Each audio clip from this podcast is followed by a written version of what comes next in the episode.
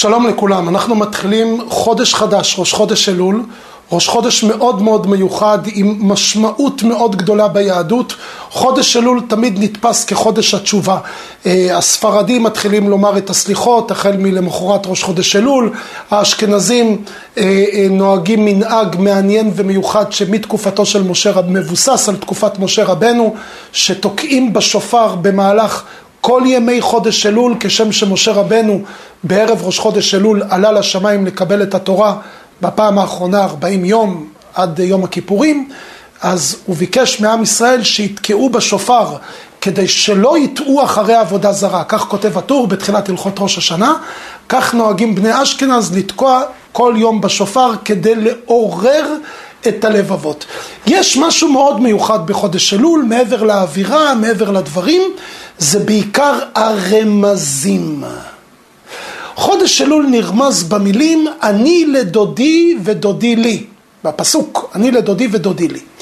חודש אלול נרמז בהמון המון מקומות, כמו למשל איש לרעהו ומתנות לאביונים, צריך להרבות בצדקה בחודש אלול.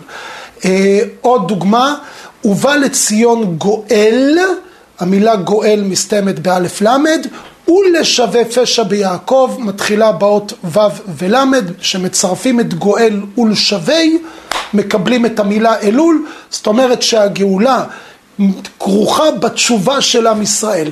ועוד המון המון רמזים, אני חושב שאין חודש בשנה שנאמרו עליו כל כך הרבה רמזים, וכל הרמזים הללו קשורים למהות של ימי חודש אלול. השאלה הפשוטה היא, אי אפשר לדבר איתנו ברור? מה זה כל הרמזים הללו? מה, מה, מה הרמזים באים לרמוז? שרומזים למישהו משהו ולא מדברים איתו ישירות, יש לזה סיבה. מה הסיבה? אז אנחנו בעזרת השם הולכים ללמוד היום, לראות בשיעור הקצרצר שלנו, כמה סודות, דברים מרתקים על חודש אלול, כדי שכל אחד מאיתנו ידע לנצל נכון את החודש הזה בצורה נכונה, בצורה נפלאה. אנחנו קצת ניכנס פנימה יותר, יש כמה דברים על פי ספר היצירה שמיד אנחנו נסביר אותם. חודש אלול, אמרנו יש בו הרבה מאוד רמזים, מה הרמזים הללו באים להגיד? בא ספר היצירה. מגלה לנו דבר נפלא, לפני שאנחנו נרד פנימה לסיפור מאוד מעניין, ספר היצירה אומר כלל, ועל הכלל הזה אנחנו נתחיל להתחשבן. הוא אומר לכל חודש יש לו מזל. חודש אלול, מזל בתולה. לכל חודש יש גם שבט, שיש לנו 12 שבטים, כל אחד נמצא בחודש אחר. חודש אלול, שבט גד. מה זה גד? מזל. חודש של מזל. למה דווקא שבט גד נמצא בחודש אלול, ואיך זה קשור לשפר את המזל שלנו, כדי שבעזרת השם נזכה לשנה טובה ומבורכת. כל הסודות על חודש אלול, בואו ניכנס פנימה. ישנה גמרא במסכת נידה בדף ל"ו עמוד ב' שמספרת את הסיפור הבא. הייתה מחלוקת הלכתית, מחלוקת משולשת, בין רב, שמואל ורב יצחק מארץ ישראל. רב ושמואל היו בבבל, רב היה תלמידו של רבי יהודה הנשיא וירד מארץ ישראל לבבל, שמואל גם הגיע בעקבותיו, או יותר נכון לפניו אפילו, והיה את אחד מגדולי תלמידי החכמים בארץ ישראל, תלמידו של רבי יוחנן, קראו לו רבי יצחק. שלושתם נחלקו באיזשהו דיון הלכתי, כדרכה של תורה, מחלוקות בהלכה, כל אחד ביסס את הדברים לכאן ולכאן. שמואל היה הכי מחמיר, רב נתן את ההוראה ההלכתית הממוצעת, ורב יצחק הכי הקל. כמובן שתלמידיו של רב, כל חייו, פסקו הלכה כמו רבם. זאת אומרת, כל פעם שהגיע המקרה ההלכתי הזה, אז הם פסקו כמו הרב שלהם. מה שהרב אמר, ככה הם עשו. אחד מגדולי התלמידים של רב, קראו לו שילה בר אבינה. שילה, הבן של אבינה. והוא כמובן דגל בשיטתו של רב, הרב שלו. היה עוד תלמיד, קראו לו איסי, רב אסי, איסי בן יהודה, רב אסי, והוא גם דגל כמובן בשיטתו של רבו, ועוד תלמידים נוספים, רב שמואל בר שילת ועוד. לרב היו הרבה תלמידים. מה אני מספר לכם? זמן קצר לפני פטירתו של רב, הוא קרא לתלמיד שלו רב אסי, ואמר לו, תשמע, שילה בר אבינה, התלמיד שלי, שחבר שלך, כל חייו היה פוסק הלכה כמותי. עכשיו, לפני מותו של רב, הוא אמר לרב אסי, גש אליו, תגיד לו שחזרתי בי מההוראה, ואני גם פוסק עכשיו כמו רב יצחק. מה שרב יצחק אמר, במחשבה נוספת, אני חושב שצריך להקל כמו שיטת רב יצחק. לך תגיד לו שלא יחמיר. עכשיו זה כבר חומרה, כי זה לא דעתי, אני חוזר בי. כנראה שהוא לא פגש אותו רב, את שילו בר אבינה, והוא שלח את רב אסי להגיד את זה. הוא אמר לו, תראה, ואם הוא לא ישמע לך, יכול להיות, מי אתה שתגיד את ההוראה ששמעתי באוזניים מרב? רב אמר להגיד לך שחוזרים, אם הוא לא ישמע לך, אומר לו רב, גריה, תגרה אותו. זאת אומרת, תפתה אותו, תביא לו סברות, תביא לו דברים, זאת אומרת, שיבין שזה הגיוני מה שחזרתי בי. מה לעשות שרב אס, אסי בטעות, בטעות, שמע במקום את המילה גריה, לגרות, שמע גדיה. אתם יודעים מה פירוש המילה גדיה? נשמע לכם כזה כמו לגדוע? גדע אותו. מה זה גדע אותו? הכוונה היא תשמט אותו, תן לו שמטה, שמטה זה סוג של סנקציה שמפעילים כנגד מישהו שהוא לא רוצה לשמוע בכל ההלכה, ויש לה גם השלכות רוחניות מאוד קשות, חלילה וחס זה אפילו יכול לפגוע בבן אדם בחיים שלו, עד כדי כך. רב אסי שמע שרב כביכול כל כך נחרץ בחזרתו, שהוא אומר, אם שילה בר אבינה לא ירצה לשמוע בקולך, שמט אותו, גדע אותו. את האמת היא שהתוספות במקום אומר שזה לא בדיוק היה כזה חד, גריה וגדיה, אי אפשר כל כך להתבלבל בזה, הוא אמר שההבדל ביניהם היה גדיה בדלת דגושה או גדיה בדלת רפה. גדיה בדלת דגושה זה לגדוע, כמו שכתוב בנביא בספר דניאל, גודו אילנה, כרתו, תחרטו את האילן, לגדוע דבר. במקביל, גדיה בדלת רפה זה כמו גוד אסיק מחיצתא, כמו משוך את המחיצה, משוך אותו, משוך אותו, קרב אותו, קרב אותו אליך, תביא אותו אליך. אז למעשה הטעות פה הייתה בין דגוש לרפה, זה יותר יכול להיות יותר מסתבר, כך אומר התוספות, שהוא טעה כי הוא פספס את הדגש. אז הוא כביכול שמע שרב אמר בהדגשה, חרוט אותו, גדע אותו, הכוונה היא תשמט אותו, בעוד שרב אמר, משוך אותו, גדיה, בלשון, בדלת רפה, משוך אותו אליך, קרב אותו אליך, תסביר לו את הדברים בדברים שמתיישבים על הלב. רב נפטר, תשמעו מה קרה. אחרי שרב נפטר, הגיע רב אסי לשילה בר אבינה. אמר לו, תשמע, רב חזר בו, שתדע, אל תחמיר. מהיום ההלכה כמו שרב יצחק אמר, רב חזר ואמר צריך להקל כמו רב יצחק. אמר לו שילה בר אבינה, אם רב היה חוזר בו, אני הייתי יודע. אם אני לא יודע ואני תלמיד מובהק, לא סומך עליך. פעם זה היה הכל תורה שבעל פה, זה לא היה כתוב, הכל היה בעל פה, לא סומך עליך. אמר לו רב אסי, תשמע, אם אתה לא מקבל את זה בצורה נעימה, אני עובר לשלב ב'. מה זאת אומרת, מה זה שלב ב'? אומר לו, רב אמר לי, שאם אתה לא תשמע למה שאני אומר לך, אני גודע אותך. אני משמט אותך. שילה בר אבינה הסתכל, זה, זה, זה פצצה, זה לא, זה לא צחוק.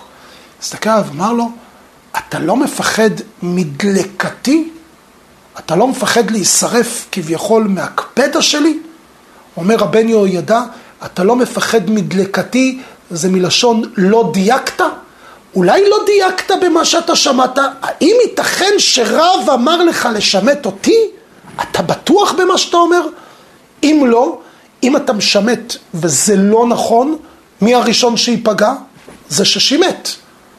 אבל רב אסי היה כל כך בטוח שהוא שמע נכון, אמר לו, אני רב אסי. איסתא דנחושתא דלא שלתא. אה, אה, שלא שולט בו, אני כמו טס נחושת שלא שולט בו הריקבון. אני לא מפחד, הוא אומר לו, אני אשמט אותך כי זו ההוראה שאני קיבלתי. שוב, הכל פה מאוד ענייני, זה לא משהו אישי, מילה שלי מול מילה שלך. רב אסי ככה שמע, הבין שזה מה שצריך לעשות. אבל שילו ברבינה, אני, כל הסיפור היה נשמע לו מאוד מוזר. עכשיו, אני ואתם יודעים שרב אסי טעה, אבל הוא היה בטוח שהוא, שהוא אומר נכון, ואז הוא שימט את שילה ברבינה. אתם יודעים מה קרה? רב אסי נהיה חולה. כי אנחנו יודעים את האמת. רב לא אמר לו לשמט אותו. רב אמר לו למשוך אותו, לקרב אותו, להסביר לו, כאילו לשכנע אותו, אבל לא להפעיל עליו סנקציות. אז כיוון שהוא עשה מעשה לא נכון בתכלס, אז הוא נפגע מזה. והוא התחיל לקדוח מחום. קדח מחום, שמו אותו במים קרים, טיפה לקרר אותו, החום צנח. העבירו אותו למים חמים, טיפה לחמם אותו, החום זינק, מחם לקר, מקר לחם, רב אסי נפטר. כן, סיפור הזוי, כאילו, לאיפה זה יידרדר. כשרב אסי נפטר, בא שילה ברבינה, הוא שמע שהוא נפטר? בא שילה ברבינה, בא לבית, אמר לאשתו, איפה שמת לי את התכריכים? פעם היה לכל אחד, היה מכין לעצמו תכריכים לאחרי 120. אמר לה, איפה שמת לי את התכריכים? כי אמר לה שילה ברבינה שהוא עומד להיפטר מן העולם, כי בטוח רב אסי יקרא לו לפני רב, להתדיין לפני רב למעלה בשמיים, והוא חייב להביע את דעתו למה הוא לא שמע בקולו של רב אסי. שם את התכריכים, נפטר. מדהים, גמרא מדהימה. מסכת נידה, דף ל"ו עמוד ב' למטה. נפטר. כשהוא נפטר יצאו שתי לוויות, בו זמנית, לווייתו של רב אסי והלווייתו של uh, שילה ברבינה. עכשיו, פעם היו נוהגים לשים על מיטת הנפטר הדסים, הדס. שמו הדסים על המיטות, וקרה דבר מעניין. כששתי המיטות הלכו יחד, כולם אמרו, וואה, אתם יודעים, בטח אנשים דיברו, תשמע, הוא נפטר על הקפדה שלו, הוא שימט אותו, ההוא הקפיד עליו, אז שניהם נפגעו. כאילו הם שונאים אחד את השני. אבל זו הייתה טעות. תוך כדי שהמיטות עוברות במקביל, פתאום התרוממו ההדסים, וההדסים שהיו במיטתו של רב אסי, עברו למיטת שילה ברבינה, וההדסים שהיו במיטתו של שילה ברבינה, עברו למיטה של רב אסי. ואז ידעו כולם, כשהם הגיעו למעלה לשמיים וראו את האמת, אז כל אחד הבין שחברו צדק וטעה. רב אסי צדק, כי שילה ברבינה היה צריך לחזור בו. אבל הוא טעה כי הוא שימט אותו. ושילה ברבינה צדק וטעה. הוא צדק שלא היה צריך לשמט אותו, אבל גם הוא טעה כי הוא היה צריך לחזור בו מהוראתו ולפסוק כמו ההוראה המחודשת. כשהגיעו לשמיים אז מיד הם התפייסו ביניהם והבינו שהכל בסופו של דבר היה לטובה. עד כאן הסיפור המופיע בגמרא. תסכימו איתי שזה סיפור נדיר?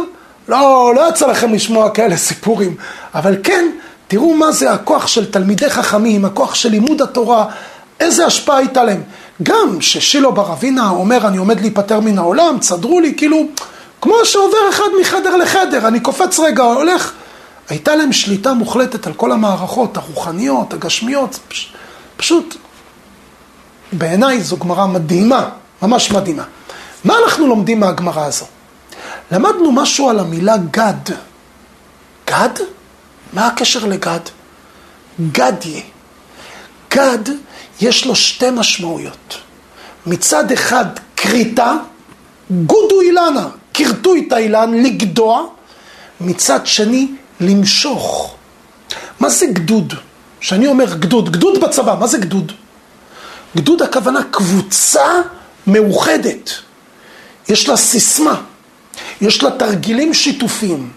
אם אני מבחוץ רוצה להיכנס, אומרים לי, אתה לא מהגדוד, אתה לא מהקבוצה שלנו. גד, יש לה משמעות כפולה למילה גד.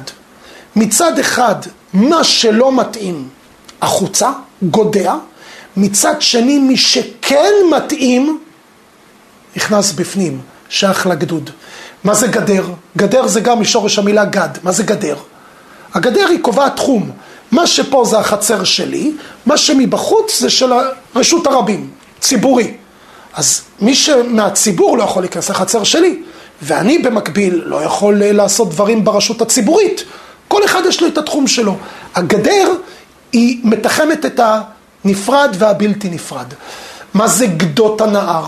גם זה משורש המילה גד. מה זה גדות הנהר? המשכיות הנהר. מה שפה זורם בתוואי הזה זו יחידה אחת.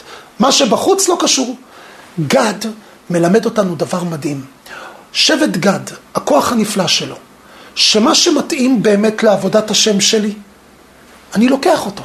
תורה, מצוות, מעשים טובים.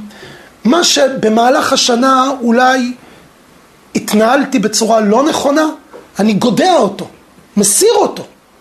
העבירות, החטאים, מתחרט עליהם, מה שטעיתי, חוזר בתשובה, מקבל על עצמי לא לחזור עליהם פעם נוספת. זה חודש אלול. אומר ספר היצירה, חודש אלול הוא מסמל את גד, הוא מסמל תגדע את מה שלא קשור ותקרב, תאחד את הכוחות, את המעשים הטובים ואת המצוות של מה שכן קשור. וככה מגיעים לראש השנה. וזה דבר מדהים, פתחנו בשאלה למה חודש אלול זה רמזים. הסיבה שזה רמזים, כי כל, כל הנושא של תשובה, תשובה, חזרה בתשובה, זה רמז, זה דברים דקים. הפסוק כותב שאני דניאל בינותי בספרים, בינותי מלשון בינה, חמישים שערי בינה, להתבונן. תשובה דורשת התבוננות. ברגע שאתה מתבונן, אתה מתקן את מה שהיה לא טוב. זאת אומרת, אם אתה לא הבנת, לא נרמזת, זה לא יקפוץ לך. התשובה דורשת התבוננות. מה שאתה עושה, תמיד זה הכי טוב. אבל באמת זה הכי טוב? בוא נבדוק. ואז כשאני מתבונן, פתאום אני מגלה שאולי, אולי באמת, אולי טעיתי והייתי צריך להגיב אחרת. זה נקרא התבוננות. החזרה בתשובה הפנימית, אני מדבר על בן אדם, בן, לא מה שקוראים היום חזרה בתשובה, מדבר על עבודה פנימית, כל אחד מאיתנו הוא חוזר בתשובה. כי רבנו סעדיה גאון, גדול הגאונים, היה אומר שהוא בעל תשובה. כל יום הוא חוזר בתשובה על מה שאתמול הוא הכיר פחות את קודש הבריחו, היום הוא יותר התקרב. כל הזמן הוא משתדרג. אז כביכול אתה שב בתשובה. אגב, למה קוראים לזה לשוב בתשובה? כי התשובה הייתה בתוכנו. אנחנו שבים, חוזרים למה שכבר גם ככה היה לנו. אלוקיי, נשמה שנתת בי טהוריי. לפעמים לכלכנו אותה, אוקיי? אפשר לנקות. ברגע שאנחנו מנקים, אנחנו חוזרים לזה בחזרה. לכן אומרים שב בתשובה. השיבנו אבינו לתורתך. תחזיר לנו, תשיב לי. מה זה השבת אבדה? חפץ שהיה שלי, נעלם, השבתי אותו בחזרה לבעליו. אותו דבר גם לשוב בתשובה. התשובה הייתה בתוכנו, היא נעלמה. למה? כי עשינו כל מיני דברים לא מתאימים. אפשר להחזיר אותה, להשיב אותה אלינו בחזרה.